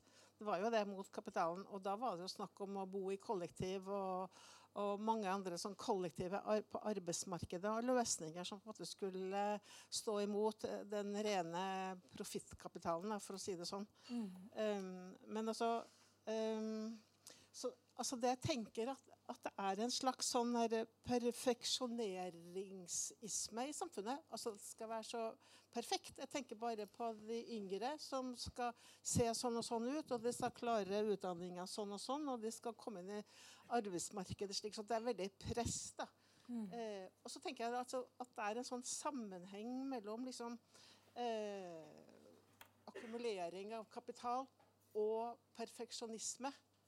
At jo mer du streber etter å få den riktige sånn outfiten og riktige familien og kjøkkenet og whatever, så liksom, jo mer er det noen som tjener på det. Og da blir det en veldig sånn åpenbar sammenheng for meg. da. Og da kom jeg inn på begrepet sånn fremmedgjøring. Ikke sant? Mm. Eh, for at liksom Meningen med livet òg, liksom, tenker jeg da. For jeg jobber også som terapeut. Da. Så da ser jeg veldig sånn, den tydelige sammenhengen mellom å strebe etter eh, å bli perfekt, eh, og også at, eh, at, man på en måte får de problemene personlig sett. Da, at man strekker ikke til. Er ikke bra nok, er ikke pen nok. Har ikke den riktige mannen, og de, barna vil ikke det og sånn. Og så, og så tenker jeg det at eh, Og det er jo noe med Altså den den fremmedgjøringa gjør jo liksom at du Som du ikke passer inn, da. Altså det var et begrep til jeg skulle uh, ha med i den sammenhengen her, da. Um, ja. Det er uh, altså det individualismen og fremmedgjøringen som det er sånn hånd i hanske, da, på et vis. Um, ja. Mm. ja. Det var en ting til, men det glapp. Ja, og så tenker jeg også, Jeg har så jobbet i departementer og direktorater. Da. Og ordbruken der eh, gjenspeiler også en sånn kapitalistisk tenke. Da. Altså, når vi i Arbeids- og velferdsdirektoratet skulle liksom ha en, eh, en ordning da, med trygdesystem, så snakket vi om leveranse. Har du ordna med den leveransen for eh, det og det pengetilskuddet? Ikke sant? Sånn at du blir en del av en sånn kapitalistisk tenking. og det er eh, Altså, du setter ord på det, da, men det er mange som føler det. Og jeg jo Fantastisk at du setter ord på det, for at det er et, en helt Det trenger et paradigmeskifte, da, tenker jeg, da, for å forstå mekanismene i det. For det er en stor helhet. Men det er også en paradigme, så da trenger man ord og uttrykk og forståelse for å komme over en annen paradigme. Mm. Takk. Vil du kommentere det, eller skal vi uh... det, det er jo likevel så spennende å høre på alle andre her som på meg. Så jeg, gjerne, jeg vet ikke om det var noe du ville jeg skulle kommentere, eller om det var står, står som en påle, det du sa der, egentlig. ja. Nei, vi kan jo Da, da er vi inne i en rekke av sosiologer her. Eh, det er Bjelseth først, og så har vi en der, og gud vet om du ikke Karim er også tegna seg. Karim Sali. Du, ja. Nettopp. Mm. Da har vi det. Mm. Ja, uh, Arve heter jeg. Uh, jeg hadde egentlig to ting jeg skulle si, og så vurderte jeg å redusere til én, fordi Elise egentlig tok fra meg litt av poenget. Men jeg kan følge opp litt på det med statens rolle. da. For jeg leste i en eller annen omtale at du, Jeg har ikke fått lest boka ennå, men jeg skal kjøpe den nå etterpå. Uh, men jeg leste i en eller annen omtale at du bl.a. diskuterer Carl Polanyi i denne boka. Carl ja, ja, ja. ja. Og uh, han skrev noe viktig, det som Øyvind Østerud skrev på norsk i en omtale av, av The Great Transformation, eller Det liberale dilemma, som det heter uh, på norsk. At uh, Uh, Laissez-faire var planlagt, men planlegging var det ikke. Uh, er noe av essensen i det Polanyi hevder. Og det er veldig viktig å understreke, fordi både til høyre og venstre så diskuterer man av og til forholdet mellom og, nei, marked og politikk som et sånn enten-eller. Men altså, det fins ikke noe naturlig ved markedet, sånn som en del liberalister vil ha oss til å tro. Og det er veldig viktig å understreke. altså Markedet må slåss frem man må slåss eh, det frem politisk, eh, ofte med ganske brutale virkemidler, for å få markedet i teoretisk forstand vel å merke, til å virke. Mm. Fordi markedet forutsetter at man bryter opp en rekke ulike typer sosiale fellesskap som ellers har en lei tendens til å danne seg. Arbeiderbevegelse, f.eks., eller kooperativ bevegelse, eller altså en rekke sånne ting. Eh, så det er, det er, et veldig viktig poeng her. At man ikke må tenke på uh, politikk og marked som alternativer, men at uh, en viss type politikk er en forutsetning for eksistensen av det såkalt frie markedet. Mm. Uh, det andre som jeg bare tenkte jeg skulle nevne, det er det dere tok opp nå rett etter pausen med tidsklemme og likestilling og sånn. Altså, det fins faktisk en, en, tradisjon i norsk sosiologi som bygget på veldig mye av det som du argumenterer for. Uh, Bl.a. Sosiologen Kari Wærnes i Bergen, som, som, har vært veldig opptatt av nettopp å betrakte omsorg som arbeid, selv om det ikke er lønnet. Altså, hun har en helt ny vri, en annen vri på en del av den problematikken. Mm. En av veldig få sosiologer uh, som var for kontantstøtten, f.eks. Uh, uh, så jeg bare tenkte å nevne også. Det finnes en kvinneforsknings- og, og, og, og kvinnepolitisk tradisjon der som, som uh, Så de var ikke helt blanke på 70- og 80-tallet heller, i så måte. Takk. Nei, men de hadde ikke Det var ikke de som var førende i kvinnebevegelsen. Det var ikke de som var mainstream. Mm.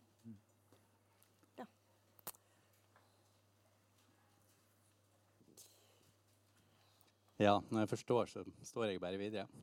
Jeg var litt usikker på om jeg skulle ta ordet. Eh, Linn og jeg og Ola Innseth vi, vi, var i lag på seminar for noen måneder siden. For vi har nemlig alle tre skrevet bøker om nyliberalismen. Sånn, sånn er det når plutselig så tar helt, ting helt av. De to siste bøkene kommer i løpet av 2020, så dere har en spennende lesefase foran dere. Eh, til det siste som arver seg. eh, det skriver jeg om i min bok. Eh, for det er altså sånn at nyliberalismen oppsto på 1930-tallet. Og på det seminaret som på en måte kan identifiseres som nyliberalismens startpunkt, så er det nettopp det at man vil bort fra den liberale tanken om at markedet er naturlig. Og man sier eksplisitt, disse folkene som etablerer nyliberalismen, at man ser det som et politisk prosjekt. At det å eh, Man identifiserer på en måte konkurransemekanismen som en økonomisk mekanisme som må spres utover i samfunnet, inn i alle kriker og kroker av samfunnskroppen. Det er et politisk prosjekt. Det handler ikke om en naturlig økonomi, en naturlig marked, men det handler om å spre en mekanisme utover. Eh, og det er på en måte akkurat der som er skillet mellom den klassiske liberalismen og nyliberalismen. At man aktivt går inn for noe og sprer det. Uh, så det var, Jeg kom bare på det fordi at du nevnte Arve. Jeg ville bekrefte at jeg òg eh, er enig i det.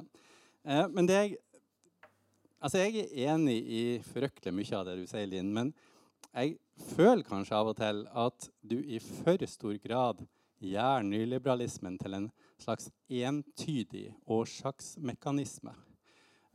som man kan bruke til å peke på alt som er gærent i samfunnet. Alt man ikke liker i samfunnet.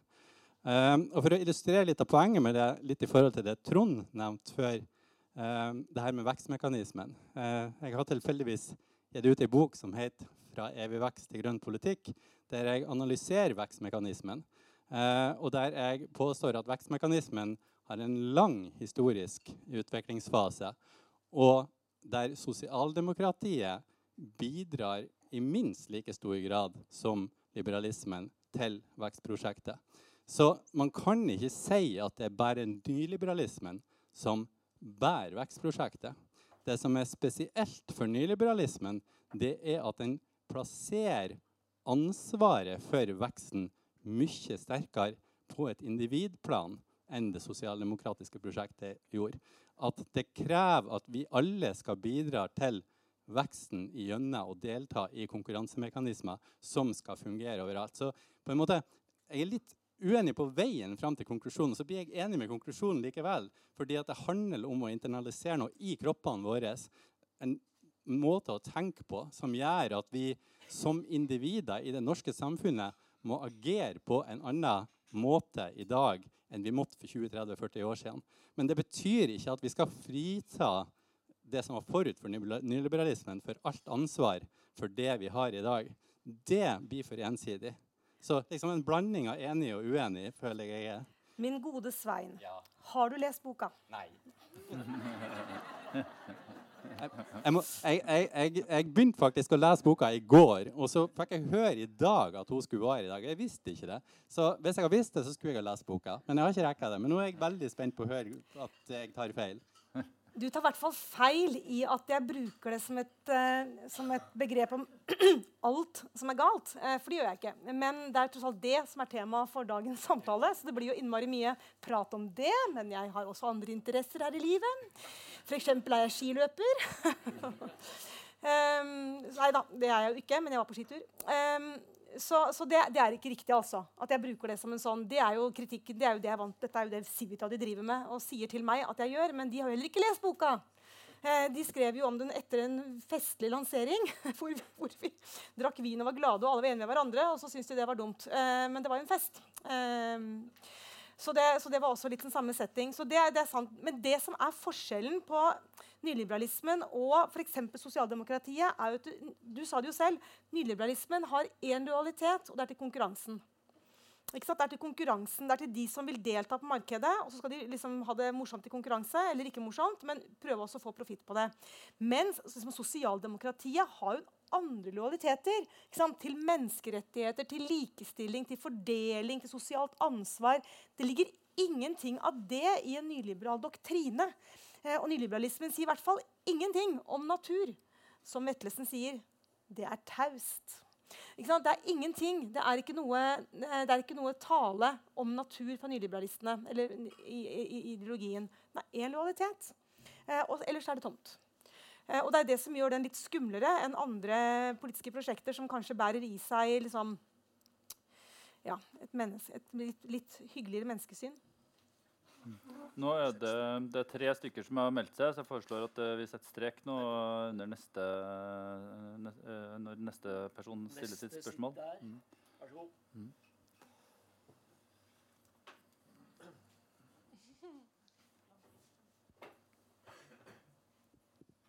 Der, vet du. Tusen takk. God kveld. Um, jeg kommer til å, eller jeg tenkte jeg skulle dele noen tanker og eventuelt uh, klare å utrede dette i et spørsmål til slutt. Uh, vi får se om det, om det går. Uh, og Jeg har gjerne lyst til å basere det på et verk som kom ut for noen år siden av den nederlandske historikeren Rutger Bergman. En bok som heter 'Utopia for realister'. Jeg vet ikke om du er kjent oh, ja, den, ja. Mm -hmm. En ganske spennende og jeg vil påstå idealistisk bok som på en måte skal ja, overbevise en realist. da om hvordan vi kan løse en del av de store problemene. Og det Rutger Bergman fokuserer på, er jo uh, store problemer som fattigdom i verden. Uh, og etter hvert også har uttalt seg en del om dette her med naturaspektet. Da, at vi har neglisjert det i denne vekstmetodologien som vi har ført. Da. Uh, som jeg er også enig med deg er et resultat av denne nyliberalismen. Da. Spørsmålet mitt er egentlig, eller det jeg har lyst til å snakke om, er det han uh, snakker om, eller det han uh, introduserer boka si med, det er at han snakker om disse uh, skjønnmalte utopiene som vi har fra bibelske fortellinger om, om melk og honning som renner i elvene, og disse ferdiggrillete fuglene som flyr og bare lander på fatet. ikke sant? og på en måte så er vi jo allerede her. Vi er der nå. Vi er der at vi har det vi trenger i arms lengde. og, og som vi snakka om her i stad. Dette er jo noe som vi på en måte har vokst opp med, i hvert fall min generasjon. Jeg er 20 år og har kommet Jeg kommer ikke fra noe sted som på en måte har hatt mangel på noe. jeg har tilgang på alt jeg trenger av mat, jeg har tilgang på det jeg trenger av utdanning. Jeg har masse muligheter når det kommer til selvrealisering. Problemet er at jeg har ingen utopi. Hvor er det jeg skal strekke meg? Og da føler jeg ok, da er det vel vekst, da. Og det, jeg føler ikke at Vekst er ikke en utopi, men det, det tar og fyller den plassen der det skulle ha vært en utopi. Uh, og det tror jeg er problemet med den her, uh, spesielt det her klimaproblematikken som vi har i dag. Da.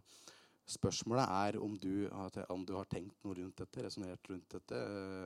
om du kan stille deg bak samme resonnement. Mangler vi en utopi, eller er utopier skadelige, eller altså mm. Ja, litt rundt det, da. Mm. Skal jeg bare kommentere det nå?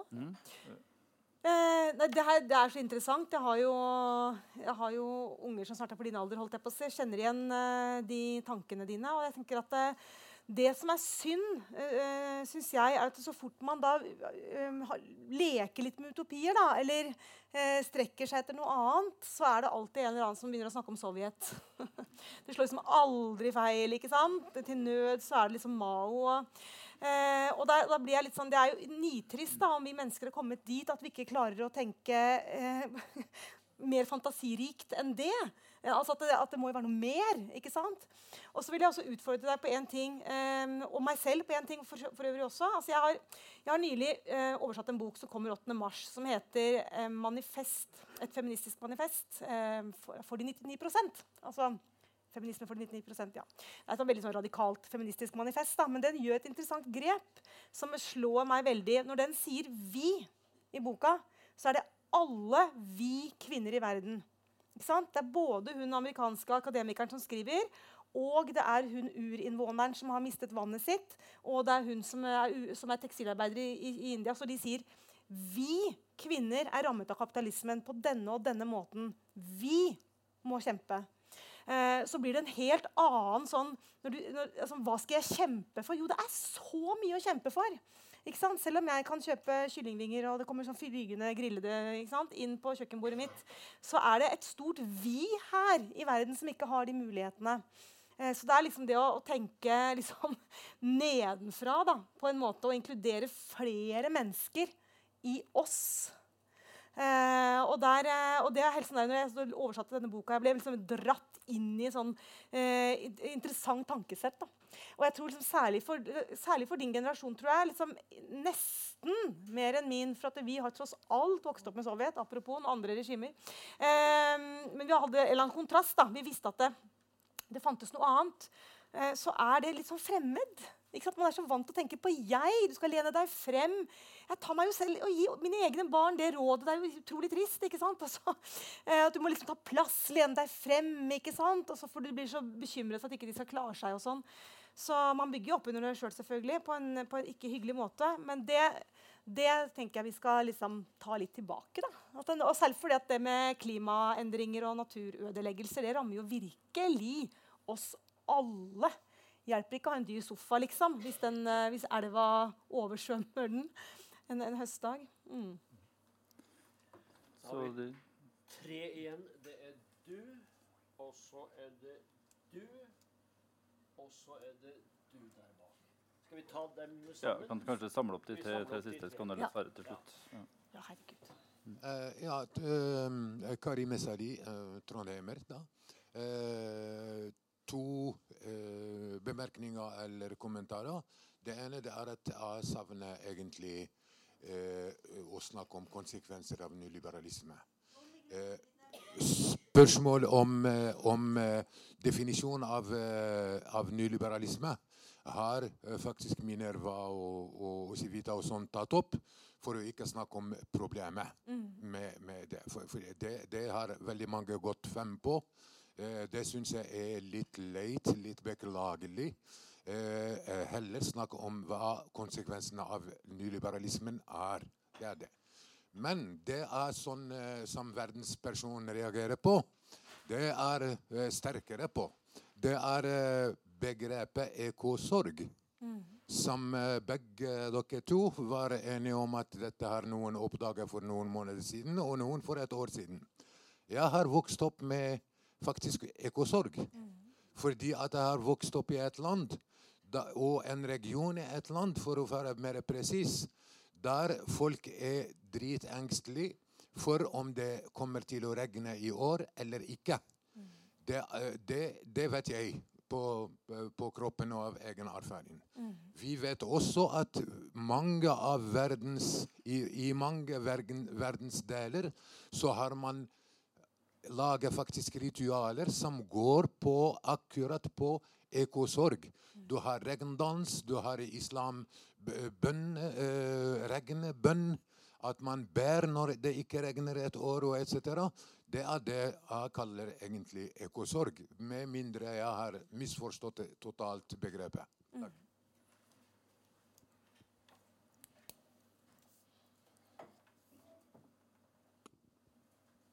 Uh, ja, jeg lurer bare på om ikke dette er en uh, bølge som uh, man har sett fra Jeg sjøl bodd i USA i mange år, bodd i England, og jeg syns vi ser mye av det samme som man så der for 20-30 år siden, med altså det individet i sentrum. Uh, eliten, eller makteliten, tjener mer, og det er det som blir uh, drivet for samfunnsføringa. Og oppi det her så tenker jeg at uh, er ikke sånn at vi, eller folk, menneskene som da Arbeiderne eh, blir litt fortjust, og altfor fortjust, i de mulighetene som man da blir uh, Altså blir gitt oss gjennom, gjennom det makteliten forteller at vi kan få. Eller hva folk kan få. Altså, jo mer man følger systemet, jo mer frihet får du, jo mer muligheter får du. Så er det jo akkurat det motsatte mange ganger, ikke sant? men at det blir en slags forsterkende spiral. Fordi at du må bare jobbe mer, og du må også bli det, fordelinga blir enda verre, for å si det sånn. Og så man, må man jobbe enda mer, og så får man en maktelite som setter føringer for nye ting. Eh, som på en måte bare forsterker det som man har. Så, men samtidig så er man så forvilla Eh, fordi at det appellerer til noen ting som er så instinktivt. Altså muligheten og grådigheten og egoismen. Og jeg lurer litt på om det på en måte er det mulig for mennesket å fri seg fra sånne grunnleggende ønsker. Mm. Ja, mikrofonen er der.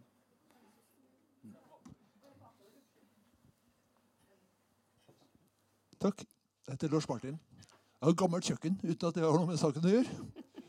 Uh, men uh, jeg har ikke fått lest boka di ennå. Uh, så det er mulig det står der, men jeg spør, spør allikevel. Altså, i, i, første bolken så var du flere ganger inne på at vi må stille spørsmålet 'Hvem tjener?' det er jo liksom en vanlig oppfatning at den store nyliberale revolusjonen kom med Thatcher og Reagan på 80-tallet. Eh, men eh, altså, det må jo ha skjedd noe forut for det i økonomien, i den materielle virkeligheten, som gjorde at de som tjener på det, hadde gjort seg sterke nok til å liksom gå på offensiven med den ideologien. Mm. Det var hvem, hvem, var det, og hva skjedde? Det var spørsmål én. Så har jeg et spørsmål til. Det er Ser du noen motkrefter mot den utviklinga her? Sånn, Med en svekka fagbevegelse, i, eh, i, hvert fall i eh, store deler av Vesten, med sosialdemokrati som har internalisert markedsfundamentalisme osv. Mm. Hvem kan klare å snu den utviklinga? Mm. Takk. Ja, det er vi, det. Ja, nei, men det var en, Bra dialekt. Ja. Ja, var Fin utfordring på tampen der. Herlighet. Vet du hva, Nå har jeg med gipset hånd skrevet dette notatarket. Det, det skal bli interessant.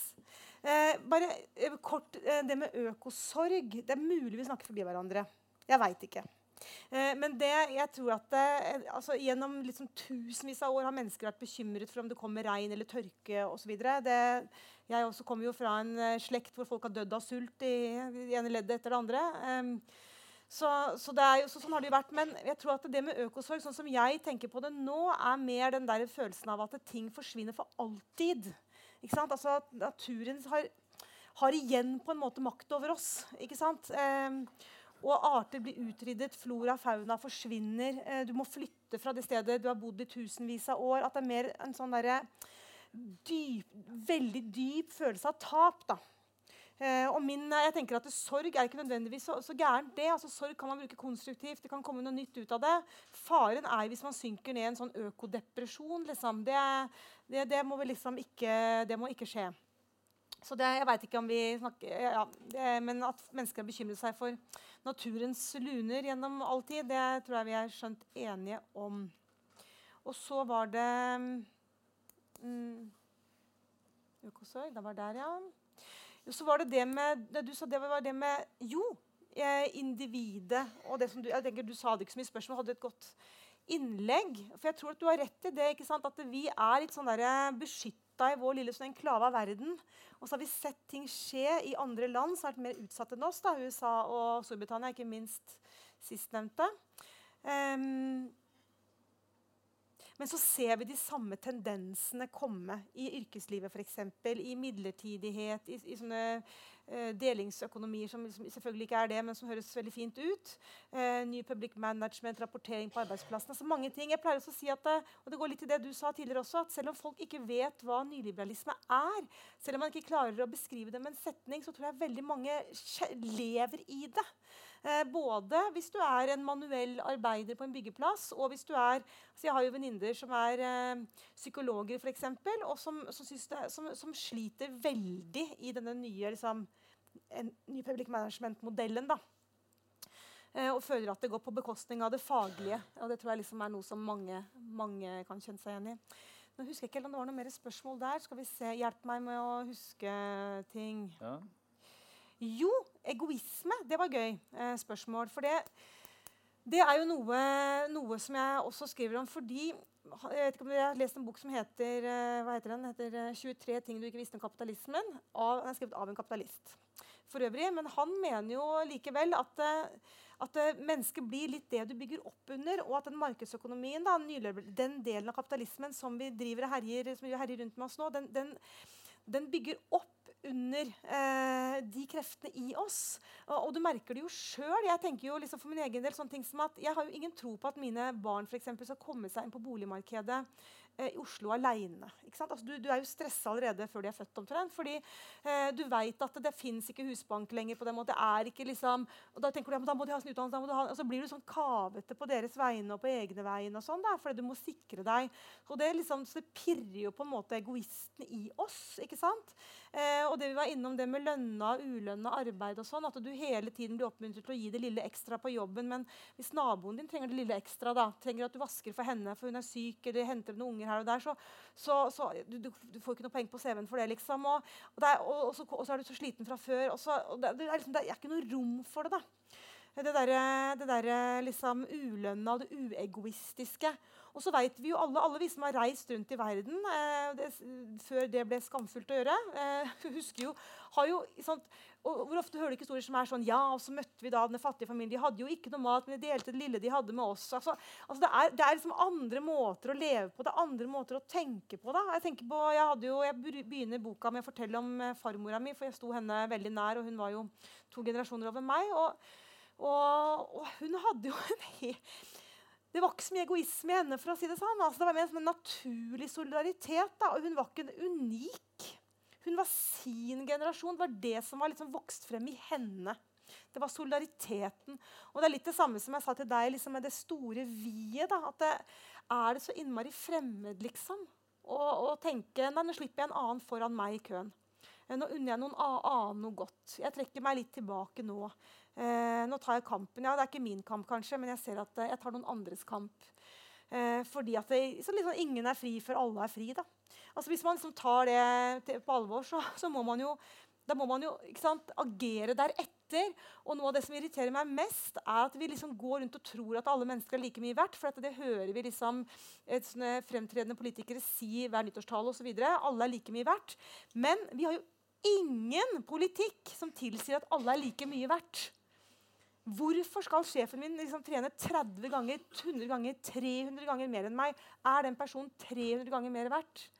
Jeg driver og håndterer køen til liksom fattighuset i Oslo innimellom. ikke sant? Er de menneskene så mye mindre verdt enn meg at de må stå i kø? Altså, hvordan, altså, det er jo, vi, nei, vi er ikke like mye verdt. Vi har ingen politikk, ingenting i vår politikk som tilsier at alle mennesker er like mye verdt. Um, og skal vi ta det på alvor, så må vi jo liksom legge til rette for det politisk da, og økonomisk. Um, og det gjør vi ikke nå. Jeg pleier liksom å illustrere det systemet her som sånn La oss si det er en fotballkamp. da. Og så har du det brasilianske landslaget på det ene laget. Og så har du det andre laget satt sammen av funksjonshemmede, barn, gamle, altså folk med ulike utfordringer. Folk som aldri har sett en ball før. Og så sier dommeren 'go'. Og så spiller de. Det er helt rettferdige regler. Dommeren gjør ingenting gærent. Dømme mål, riktig straffe osv. Eh, for mange på banen. ikke sant? Bare tull og tøys på den siden der. Og så vinner Brasil. Ja, rettferdig. Ja, Spillereglene var like for begge. De beste vant. Ikke sant? De beste vant. Det er helt rettferdig. Og litt sånn er liksom, litt sånn er liksom nyliberalismen, da, markedssystemet. Det er sånn at det er rettferdig. Man kan lene seg tilbake og si det. Det er likt for alle. Likt for deg, deg og deg. Eh, men så har vi liksom ulike startstreker, da, ulike utfordringer. Og det har nyliberalismen ingen lojalitet til. Det er liksom bare å tilpasse oss. da. Og det, og det gjør vi jo liksom fordi, ikke fordi vi er så innmari egoistiske, nødvendigvis, men fordi vi vil overleve, leve og på et høyere nivå ha status. Vi er jo bare den der flokken til Fugelli som liksom vil passe inn. Vi vil jo passe inn. Det er mye hyggeligere å jatte sitte med rundt naboens eh, lunsjbord eller familiens julebord enn å komme med en kritisk bemerkning rundt den nye bilen eller skal det pusse opp igjen. Syns kjøkkenet var fint. Eh, altså det, er, det, er, ikke noe gøy å være den personen, ikke sant? selv om du liksom har moralsk rett. og sånt. Så, så vi, til, vi, er bare sårbare, og vi, tilpa, liksom vi tilpasser oss. da. Og det synes jeg er sånn utrolig viktig å si, fordi selv om jeg, selv om jeg er liksom eh, tilhenger av kortere arbeidsdager og, og, litt sånn kortere dager i barnehagen for ungene, sånn, så vil jeg aldri finne på å liksom, dømme et menneske som har unge ni timer i barnehagen. Det er jo bare det, det, mennesket gjør jo så godt det mennesket kan. liksom. Det er jo sånn du sikrer familien din. Eh, og jeg synes det med det sånn klimaskam og sånn også er, det vil jeg, tror jeg blir mitt siste ord. at det, at skam det må plasseres der det, hjem, der det hører hjemme. Sant? En sånn sliten småbarnsfamilie på chartertur de er ikke, det er ikke de som har ødelagt naturen. Altså, og de har ikke landsted eller hytte. De må da søren meg få lov til å få seg to uker på Mallorca. Eh, mens, men skammen er jo dessverre da burde være hos folk som slett ikke føler skam i det hele tatt. Der de flyr verden over ikke sant? Og, og herjer med systemet vårt. Og det, det, må vi huske på når vi snakker om skam. Den må plasseres på riktig sted. Mm.